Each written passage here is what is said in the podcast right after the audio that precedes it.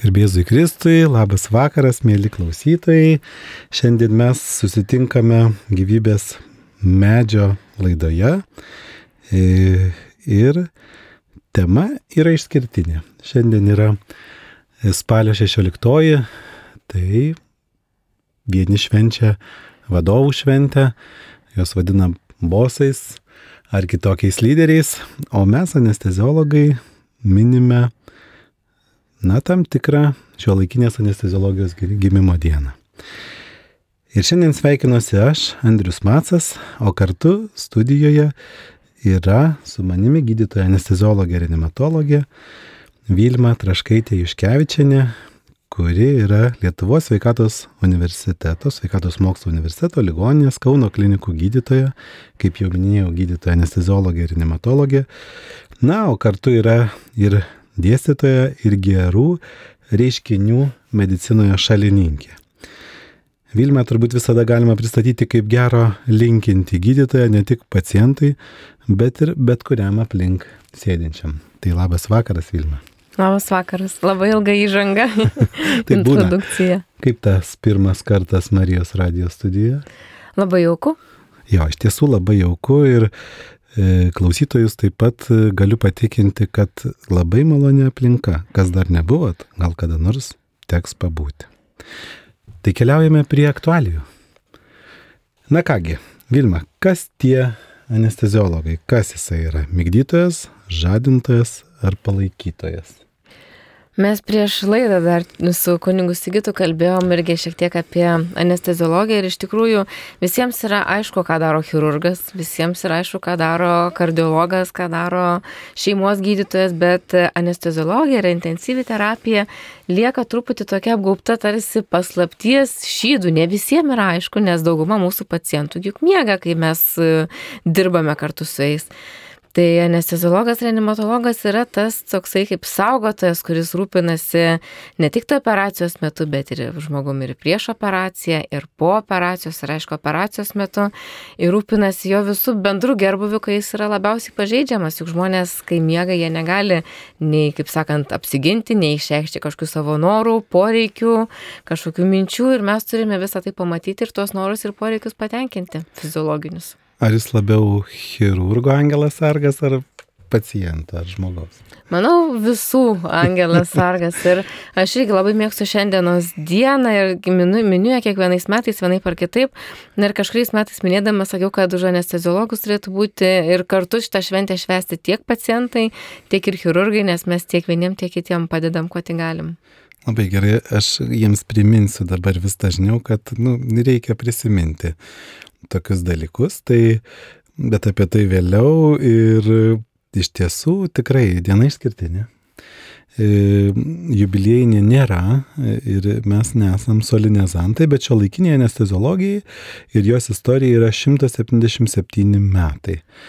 Kodėl tai išskirtinė diena? Todėl, kad 1846 e, metais spalio 16 dieną Junktinėse Amerikos valstijose Bostone buvo nuspręsta Bostono bendruomeniai mm, vienoje ligoniniai parodyti, na, pavyzdinę anesteziją. Ir ligoniniai turit suprasti, mėly radio klausytojai, kad tuo metu nebuvo nei anesteziologų, nei daugelio kitų specializacijų.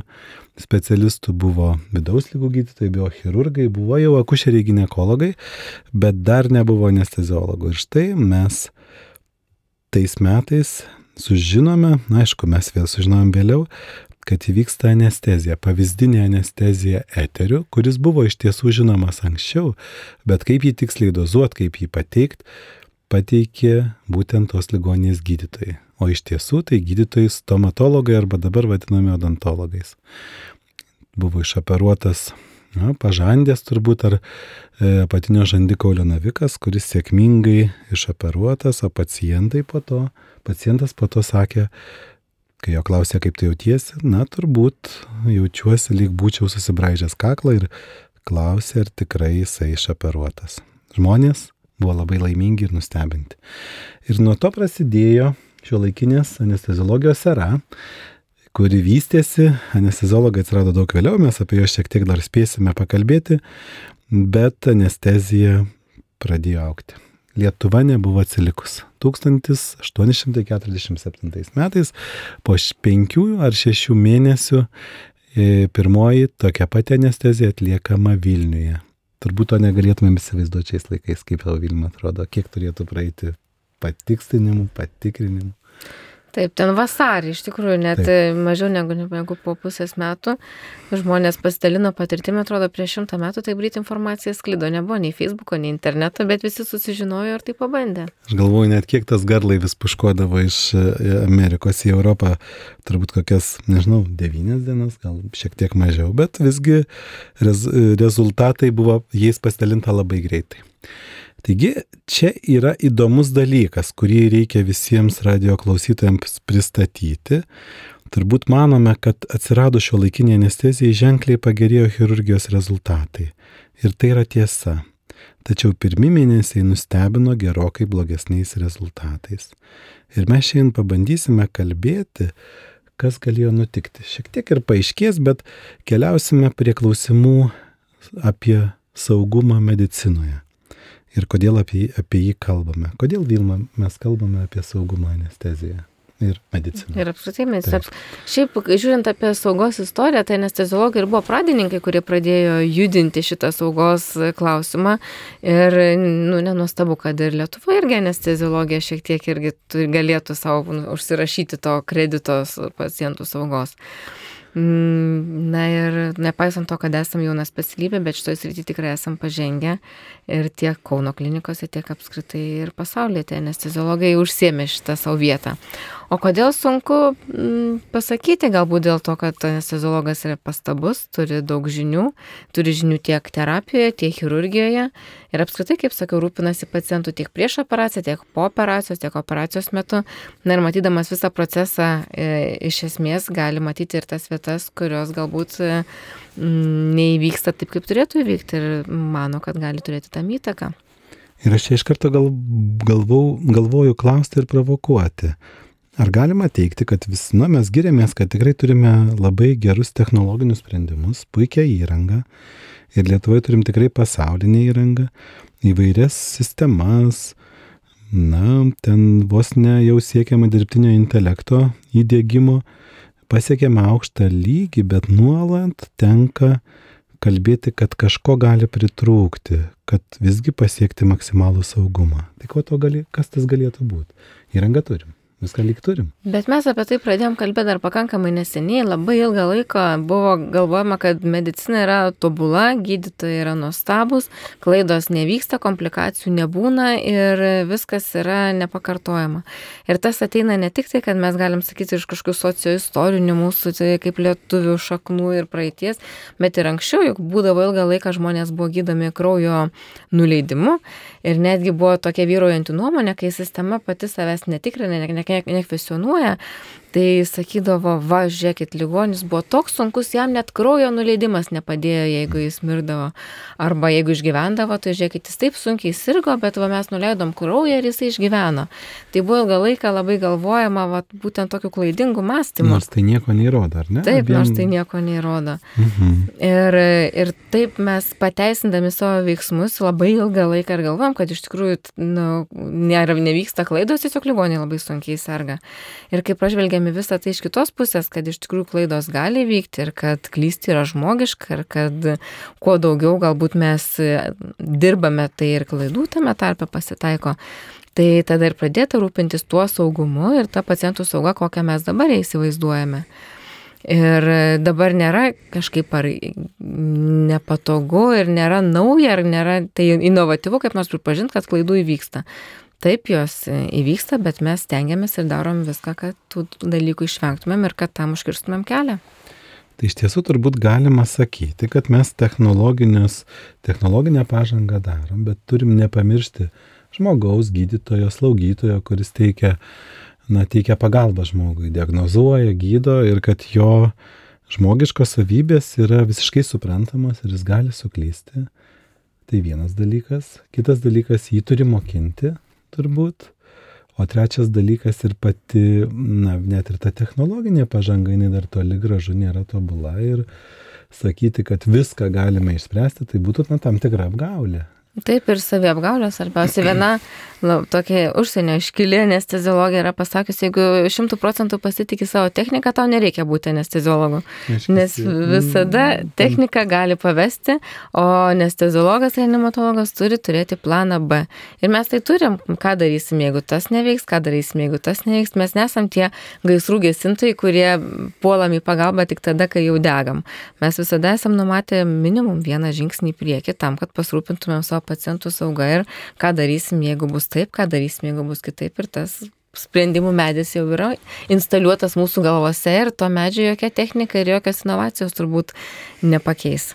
Čia jau norėjau keliauti toliau, ar mums reikia gazdinti, ar ne žmonės. Ir tikrai aš turbūt manau, kad mums tikrai nereikia gazdinti, bet visgi, e, kas yra svarbu, e, kad ta pagalba, aš bandau dar žengti, jeigu technologijos ne, nepatvarios ir jeigu specialistą reikia augdyti, jeigu reikia suprasti, kad gydytojas ir slaugytoja gali padaryti klaidų ir kad klysti žmogiška, tai antro žmogaus pagalba operaciniai, ar jinai naudinga, kol pakviest kolegą, ar jis gali išspręsti, net jeigu yra galbūt net netoks tobulas kasdienybėje, ar jis gali padėti ar ne.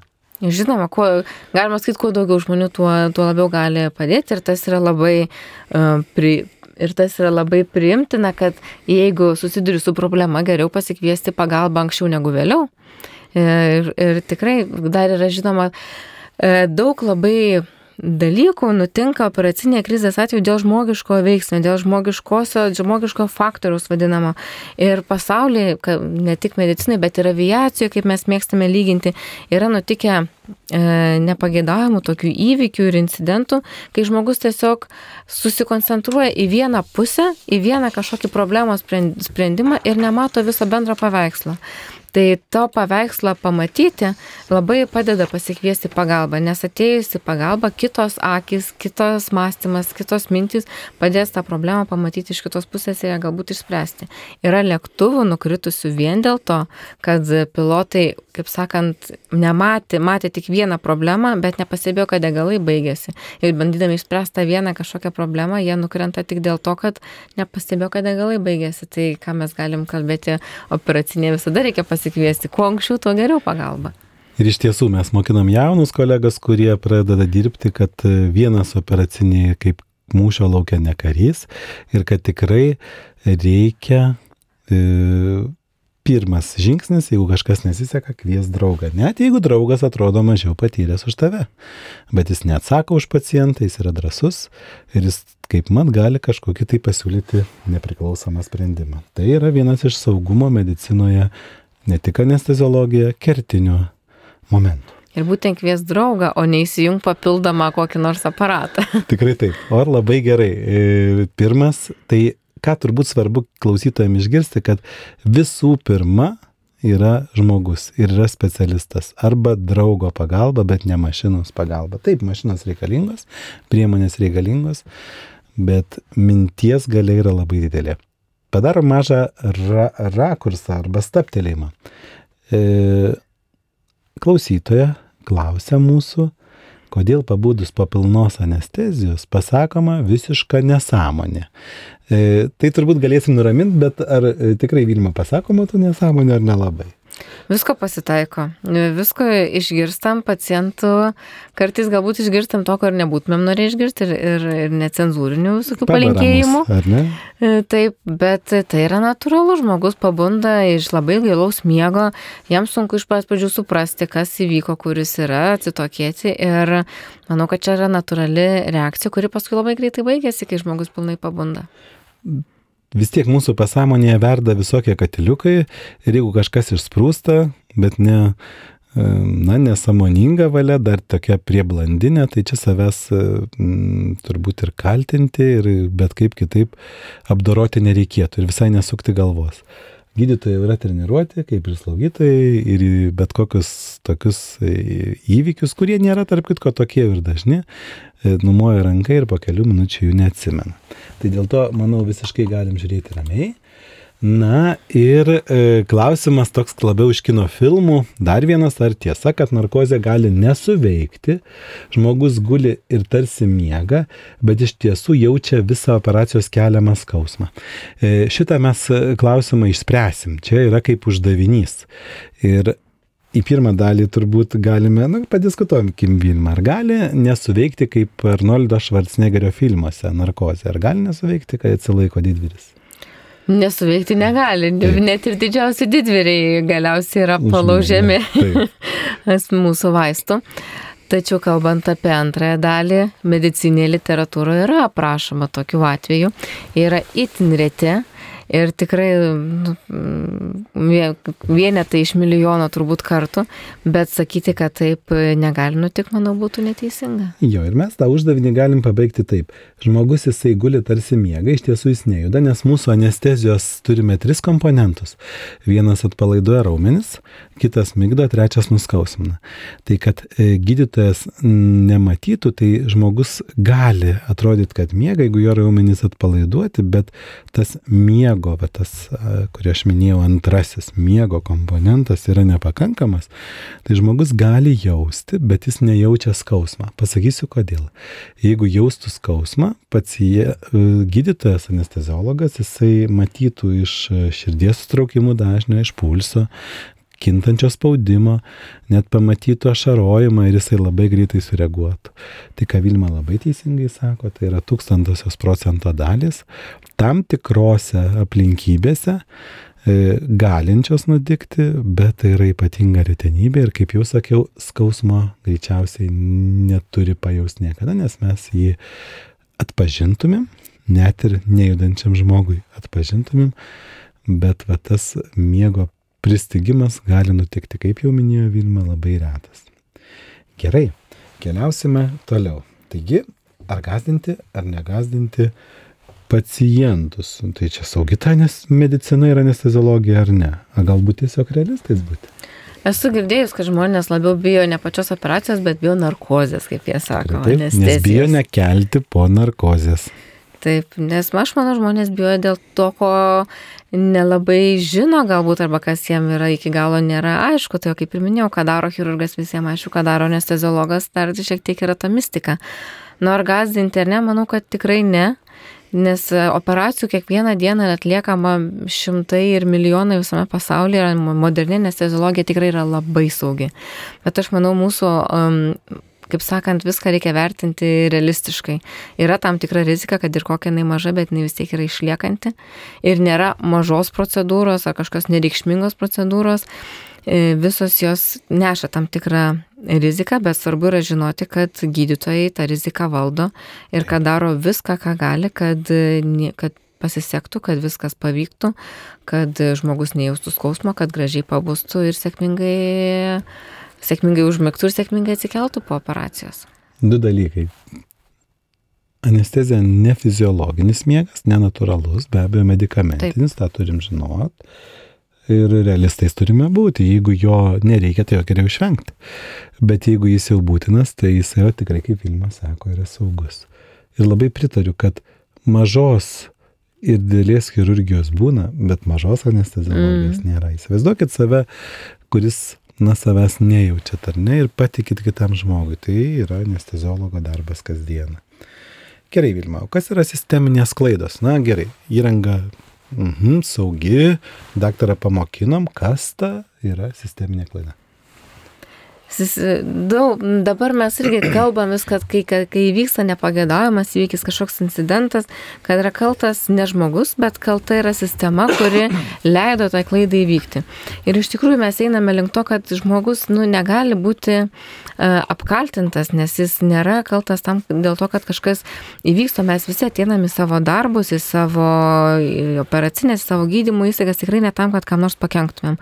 Tai einam tam, kad padėtumėm, kad uh, pagydytumėm gydytumėm žmonės, kad palengvintumėm jų kančias, pagydytumėm jų lygas. Ir jeigu klaida ir įvyksta, mes tai turime ieškoti, kodėl taip įvyko ir klausti kod, tą klausimą, kodėl tiek kartų, kol prieisime prie tos kertinės priežasties, kodėl į klaidą įvyksta. Ir ta kertinė priežastis niekada nebus žmogus, kad kažkas kaltas dėl to, kad taip įvyko. Tai nebus e, kažkokio žmogaus aktyvi pastanga, kad taip įvyko. Tai bus sistema, kuri leido klaidai įvykti ir mūsų darbas, kaip tų, kurie tokius įvykius mato, pastebi, analizuoja, tokią sistemą sukurti, kuri neleistų klaidai įvykti, kad būtų lengviau padaryti teisingą darbą, negu padaryti neteisingą darbą. Ir tą mes turime labai daug pavyzdžių, mes turime švirkštų žymėjimą, ką mes darome, kad nebūtų žmogui suleistas ne tas vaistas. Mes turime apyrankės ant kiekvieno žmogaus riešo savo paciento, tam, kad nesupainėtumėm paciento, kad būtų tinkamai operaciniai, tinkamai operacija atvežtas tinkamas pacientas. Tai vėlgi tai yra sisteminiai dalykai. Mes turime klausimynus, kuriuos užpildom prieš kiekvieną anesteziją, prieš kiekvieną operaciją, tam, kad pasitikslintumėm, kad visi esame tam, tame pačiame puslapyje, kad chirurgai žino, kokie gali būti kritiniai momentai, kad mes esame jiems pasiruošę, kad anesteziologinė komanda žino, kokios yra galimos rizikos ir kad mes tam būtumėm pasiruošę. Vėlgi, kad ta sistema būtų kuo tobulesnė ir kad klaidai įvykti būtų kaip įmanoma sunkiau. Na ir vis tiek jų pasitaiko, vis tiek kažkas, kad ir maži dalykai, bet kartais jie prasprūsta ir mes vėl galvojam iš naujo, kaip padaryti, kad taip daugiau nenutiktų. Taigi mes e, iš tiesų turim tobulinti, nenustodami savo veiklas, savo sistemas ir galvoti, kaip, nu, turbūt užkardyti bet kokią klaidą arba nesėkmę, kuriai tai galima išvengti. Ir mes turim taip pat skatinti gydytojų ir rezidentų ir slaugytojų budrumą, kad jie gebėtų pamatyti tas sistemos klaidas ir gebėtų pasiūlyti sprendimus, kaip tą sistemą dar labiau patobulinti, kaip išvengti tų klaidų, kaip standartizuoti darbo vietas, kaip padaryti sistemą mums, kaip medikams, dar palankesnę, kad mes tiek mes, tiek mūsų pacientai ten galėtumėm saugiai būti. Puiku. Taigi, sistema ar priešas ar ne, Ar ją reikia tiesiog tobulinti, beveik ir atsakėm. Ne priešas. Ne priešas, sistema yra mūsų draugas, nes mum, mes sukūrėme tokią sistemą, kuri mums padeda nesuklysti. Pagalvokite, jeigu mes dabar neturėtume be sistemos. Kaip menininkai varytume. Na, kiekvieną dieną būtų vis kitaip. vis kitaip ir kiekviena diena būtų vis nau, naujas koks nors nuskausminimo būdas. Ir mes neturim, tarkim, švirkštų žymėjimo. Ir kiekvieną dieną spėliojam, kas yra šitam švirkšte, ar padės pacientui ar nepadės. Vieną dieną gal pataikysim, kitą dieną galbūt ne. Dėl tam, kad išvengtumėm šitų sviravimų, mes turime sistemą, kuri padeda ne tik apsaugoti pacientus, bet padeda apsaugoti ir medikus, kad ir mes būtumėm saugus savo darbę. Tai nerekomenduoju nerekomenduojame tos ir turbūt nerekomenduoja, ar ne, kad grįžti vieną dieną namo ir sakai, o čia aš pabraižiau taip ir visai neblogai, o kitą dieną, matai, tris kart mėgdžiau ir nepavyko nei karto. Tai taip turbūt nerekomenduojama. Reikėtų standartizuoti būt. reikėtų procesus, kurie Dar leistų mums saugiai tas paslaugas teikti. Tikrai taip. E, sistema nėra, e, nėra tas e, kažkoks tai priešas, priešingai, tai yra tai, kas kuriama daug metų ir stengiamasi žmogui padėti. Šiek tiek sustokim. Klausimas, kodėl vieni žmonės po narkozės vemia arba jos pykina, o kiti ne? Klausimas nelengvas. Rezidentai mokinasi ne vieną dieną. Ir Taip, čia yra žinomas, tokia kaip žinomas reiškinys po anestezijos, po narkozės. Ir aš savo pacientus perspėju, kad gali tai būti. Reikia žinoti, kad vieni pacientai yra jautresni už kitus ir kad taip jam pasireiškia toks vaistų poveikis. Mes kaip medikai, kaip anesteziologai, reanimatologai stengiamės šito kaip įmanoma išvengti ir tam turim gausybę metodikų, vaistų, kuriuos pacientam aišku paskiriam ir stengiamės tam užbėgti už akių.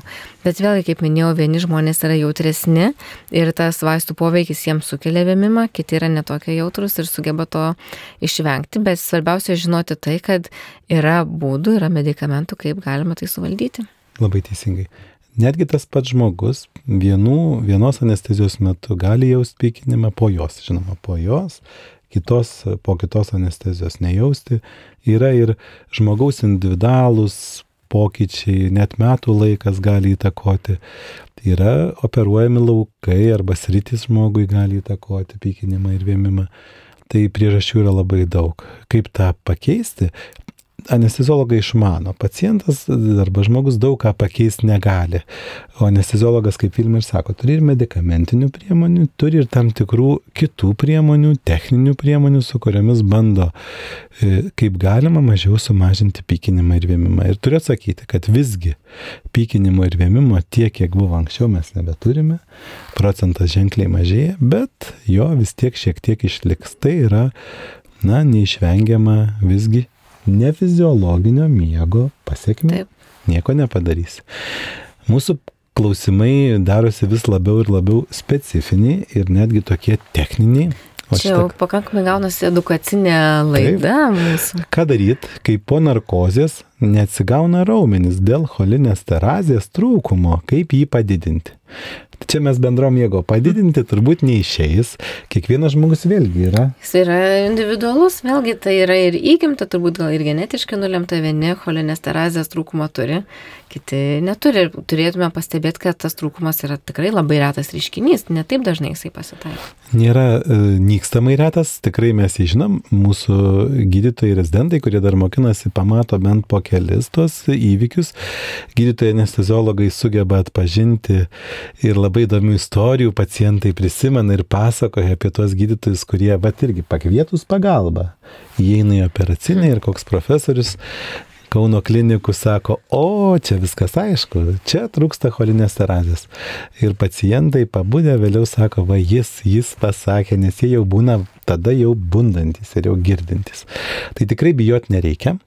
E, šitą trūkumą kiekvienas anesteziologas išmano, padidinti neišeis, jokiais vitaminais arba pratimais, o gydimas yra, pagrindinis gydimas yra laikas. Vis tiek tos cholinės terazės yra ir e, per laiką mes e, turim tiesiog iškentėti, pacientą dar šiek tiek mėgdyti, išlaukti, kol atsistatys raumenų jėga ir tada bus galima jį saugiai pažadinti ir išleisti į pooperacinę palatą, po anestetinę, po to į paprastą skyrių ir namo. Taigi tam reikia laiko. Mes ką dar norėčiau pastebėti, jeigu mūsų klausytojas, kuris rašė šitą žinutę, žino, kad arba jam ar jo artimiesiam yra cholinės terazės trūkumas, Tai yra labai svarbu apie tai perspėti savo gydytoją, anesteziologą, reanimatologą, kad gydytojo neištiktų mini infarktas operacijos metu supratus, kad taip toks įvykis dabar yra įvykęs, bet kad žinotų ir tam pasiruoštų ir vėlgi tam galima pasiruošti, pasirinkti tam tikrus medikamentus, tam tikrą anestezijos būdą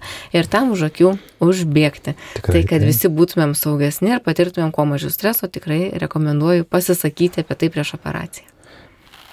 Labai aišku, net e, man, kaip pasakytų, turbūt kai kurie sėdintis operacinėje. Jokauju.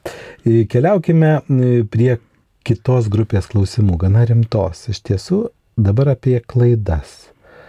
Taigi, ar apie klaidas nutinka? Taip, gaila, bet turime būti realistai ir žinoti, kad taip kartais pasitaiko. Ar jie žmogiškos? Žinoma, amerikiečiai 90-aisiais metais net yra išleidę tokį kaip ir tyrimą savo publikavę pakankamai didelės apimties.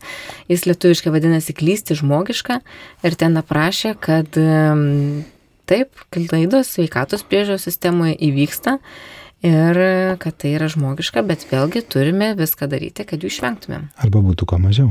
Taip. Mhm. Gerai. Ar reikia pristatyti savo klaidas, o gal geriau nutylėti, nesakys, kad esu kvailas, netobulas, įsiblaškęs. Ir kartais labai smagu kolektyvė pasijuokti iš kito. Kai mes kalbame, kodėl žmonėms sunku pasakyti apie savo klaidas, tiek gydytojams, tiek kitiems žmonėms, tai be abejo užklumpa ir tas gėdos jausmas, ir tas toksai nepatogumas, ir tas suklydimo jausmas, tai yra labai nemalonus jausmai, labai sunku apie tai kalbėti ir tos temos tikrai yra nepopuliarios bet visgi kalbėti apie tai būtina ir tam yra kelios priežastys. Pirmiausia, turbūt dėl to, kad papasakodami apie savo klaidą, kas mums nutiko, kas mums nepavyko, mes užkirtame kelią, kad ta klaida nepasikartotų kitam kolegai, kitam specialistui, kitam pacientui. Nes kitas tai išgirdęs jau žinos, kad tai buvo, taip įvyko ir galės imtis prie tam tikrų veiksmų, kad taip nenutiktų. Tada vėlgi žinodami, kad taip jau yra įvykę, mes galime patobulinti tą pačią sistemą ir vėlgi užbėgti įvykiams už akių, pasirūpinti, kad tai daugiau nenutiktų. Na ir aš iš savo patirties taip pat galiu pasakyti, kad papasakojus apie savo kažkokį nepasisekimą, apie savo kažkokį įvykį, kuris galbūt įvyko ne taip, kaip būtum norėjęs, tau daug yra lengviau pasipasakojus kolegoms, e, gavus patarimų, kaip galbūt kitą kartą elgtis reikėtų, negu nešiotis tą nutikimą kartu su savimi ir galvoti pačiam, kaip ten kas galėjo būti ir dar blogiau galvoti, kad tik nieks nesužinotų.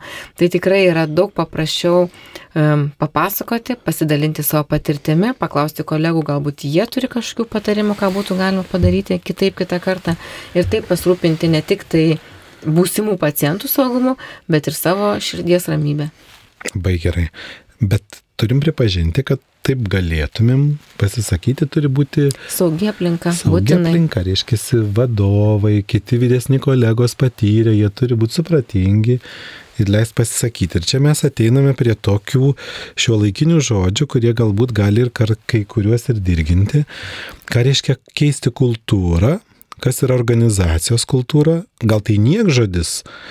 Ar organizacijos kultūra objektyvus reiškinis ir svarbus darbuotojų ir pacientų geroviai medicinoje? Kaip? Tas yra būtina ir ta kultūra, kur yra motivuojanti ir skatinanti aukti, Tai be abejo nebe, prisideda ir prie pacientų gerovės, prie pacientų saugumo ir prie tų pačių darbuotojų saugumo. Jeigu matysim, kad pasipasakom apie savo kažkokią nesėkmę ir gaunam nuo vadovo barti, arba esam išjuokiami viešai, arba pasako, tu čia toks yra noks, tu nemoki dirbti, Tai vienas dalykas, kad tu pats daugiau apie tai nekalbėsi ir kitas dalykas, kad ir kolegos daugiau apie tai nedrys pasakyti, nes reiškia, kad ir man bus taip pat. Tai apie kokią tada saugą galime kalbėti, kai klaidos bus nuslepiamos, paslepiamos, pas mus viskas gerai, kaip sakant, pašluojama po kilimu. Mhm. Bet ką aš irgi pastebiu ir kas yra pasirodo netaip jau ir nebūdinga mum, kad dažnai kolegos irgi yra linkę galbūt juokais patraukti per dantį tą suklydusį žmogų, kuris prisipažįsta, ko tikrai neturėtų būti, nes niekada negali žinot, kada tau nepasiseks, kada pats suklysi. Ir tas kolegų palaikymas, paskatinimas ir toksai kaip ir mm, užtikrinamas saugos atmosferos turi būti tam, kad visi jaustumėme saugiai ir kad tą kultūrą keistumėm. Na, organizacijos kultūra, vėlgi, jinai yra natūrali, gali būti tokia, kokia susiformuoja, bet gali būti ir ta kultūra, kokią mes patys ją sukūrėm. Ir dėl to reikia aktyviai dirbti. Ir viskas, aišku, prasideda nuo vadovų, nuo tų, kurie gamina tą organizacijos kultūrą, kurie dirba to klausimu. Ir tik tai nuo vadovų palaikymo tada atsiranda užduodamas tonas ir be abejo atsiranda ir ir kolegų palaikymas. Aišku, turime visi sėdėti vienoje valtyje, matyti situaciją vienodą ir siekti tų pačių tikslų. Tai turbūt turim suprasti e, ir manau, kad čia labai krikščioniškas suprasti, kad kiekvienam pranešti savo klaidą yra labai sunku o jau gebėjimas ir nieks nesipuikuoja savo klaidomis. Daug patogiau ją, kaip Vilmas sako, po kilimu palaikyti, kol viskas nurims, ar ne, nes jos nutinka. Bet jeigu tu išdrįsti ir jeigu vadovas padrasina nepuikuotis, bet visgi panalizuoti, ką galima, kaip mes mokinam jaunus kolegas, ką padarėjai gerai, ką gali padaryti geriau, nes net klaidos gali nebūti, bet gal mm. kažką gali padaryti geriau, gal antibiotiką paskirti anksčiau, kokiu 20 minučių ir tai vis tiek jau būtų šiek tiek geriau. Lyg ir ne klaida, bet gal galėtų būti geriau. Puiku. E, klausimas dar vienas, netiek daug laiko lieka, turim pabandyti atsakyti. Garbėsui Kristui, būkite malonus, paaiškinkit, jei prieš tai vykusios operacijos būdavo sėkmingos, sėkmingos ir anestezijos, o paskutinė anestezija dar nepradėjus daryti operaciją prasidėjo alerginis šokas ir širdies nepakankamumas. Kaip tai paaiškintumėt? Ar, na, koks galėtų būti išaiškinimas? Labai ačiū. Čia sunku iš tikrųjų kažką pasakyti, labai trūksta duomenų Taip. ir trūksta tai visos klinikinės situacijos. Galim pamodeliuoti, kokie gali būti priežastys. Labai teisingai, kaip jau esam sakę, kiekvieną kartą operuojamas žmogus yra tam tikroj būsenoj, fiziologiniai būsenoj. Vienas. Operacijų galėjo būti daug, bet kitur. Antras. Tada galėjo būti naudojami medikamentai, anksčiau vienokie, mm. o dabar pakliuvo kitokie, kuriems žmogus alergiškas. Ir labai teisingai, jeigu yra audringa alerginė reakcija, tai mes labai budriai stebime, ar nėra širdies nepakankamumo, ką žmogus sako, krenta arterinis kraujo spaudimas. Labai žemas spaudimas pasidaro, kaip širdies nepakankamumas, arba gali žmogus, na, burkti jo kvepavimo takai ir tarsi toks dusimas, spazmas prasidėjo. Tai čia lyg ir buvo alerginis šokas ir širdies nepakankumas. Greičiausiai reakcija į kažkokį tai ar medikamentą paskirtą, arba nebūtinai medikamentą į kokį dezinfektantą, mm. kuriuo mes valome operacinį lauką, kad pacientas būtų, na, nebūtų infekcijos, arba jį netgi į guminės pirštinės gali. Tark kitko, kas yra labai svarbu paminėti, kad būna, ir mes žinome iš alergologijos, kad į pirmą kartą į tam tikrą medžiagą žmogus nereaguoja, bet jau antrą kartą susidūrė su ta medžiaga, jisai papuola. Reaguoja audringai. Taip, tau e, alerginį šoką. Tai ar būna tokių reiškinių? Tikrai būna, ar tai yra retai, taip, tai yra retai, ar tai yra, na, ypatinga retenybė, ne, tokiu atveju nutinka, ar yra galimybė padėti, absoliučiai daugiama, daugeliu atveju ta galimybė yra padėti. O ką toliau daryti, ar atlikti anesteziją, ar yra chirurgija, ar visgi stabilizuoti būklę, pažadinti pacientą, pasiaiškinti ir tik, toliau, ir tik toliau operuoti, tai neretai mes tikrai žadiname pacientus, išsiaiškiname, gana rimtai pasiruošiam rinkdami kitus medikamentus, tada operuojame. Čia gal netgi sakyčiau visai gerai, kad e, net neprasidėjus operacijai tai įvyko ir nereikėjo paciento žadinti, tada galima tiesiog saugiai priimti sprendimą, ar ta būklė yra suvaldyta, ar galbūt tikrai reikia pasitirinėti išsameu ir tada jau pasiruošus anestezijai ir operacijai atvykti dar kartą. Tikrai taip. Mums lieka dvi minutės. Ir turime visgi apibendrinti. Tai ką mes palinkėtumėm klausytojams, bijoti ar nebijoti tas medicinas? Na, o gal kaip juos galim padrasinti? Prašau, Vilma. Aišku, palinkėti norėčiau, kad nebijotų anestezijos ir nebijotų operacijos, nes vis tiek, kaip ir minėjau, visi mes susirenkame į darbus, savo darbo vietas tam, kad pacientam padėtumėm. Kad jie nejaustų skausmo, kad jie jaustųsi komfortabiliai, kad būtų pakalbinti, kad būtų nuraminti, paguosti ir galiausiai pagydyti. Bet e, sakyčiau, kad neverta piknaudžiauti ypatingai anesteziologo paslaugom, nes daug kas dabar žmonės nori nieko nejausti, bet kokią procedūrą tik su neutra ir panašiai. Tai aišku, kad tai yra didelis patogumas, didelis džiaugsmas, kad mes galime turėti procedūras be skausmo ir to nereikia bijoti, bet siūlyčiau to nepiknaudžiauti, nes, kaip ir minėjau, mažos anestezijos nebūna. Tikrai taip.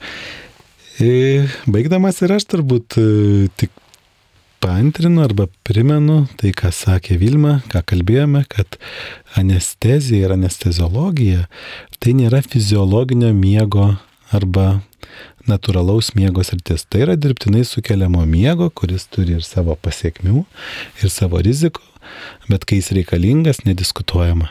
Lygiai kaip chirurgijos, turbūt reiktų ieškoti tada, kada jos reikia ir kreiptis ir būti, na, visgi apsisprendusiam tam, bet kai jos nereikia ir galima išvengti, turbūt reiktų jos išvengti. Daugeliu dalykų gali išvengti, bet yra tų, kurių negali. E, kągi, e, organizacijos kultūrą reikia keisti, reikia suprasti, kad tai svarbu ir kad klaidas mes galime išspręsti koreguodami savo ne tik elgesį, bet ir, na, daugelį dalykų mes sakom procesus. Ir turbūt mes atsisveikiname šiandien su Marijos radio klausytojais. Studijoje buvo gydytoja anesteziologė, reanimatologė, dėstytoja Vilma Traškaitė Iškevičianė iš Kauno klinikų ir Lietuvos sveikatos mokslo universiteto. Na, o studijoje kartu su Vilma buvau aš, Andrius Matsas. Gero vakaro ir ramios nakties, mėly radio klausytojai. Viso gero. Sudie, viso gero.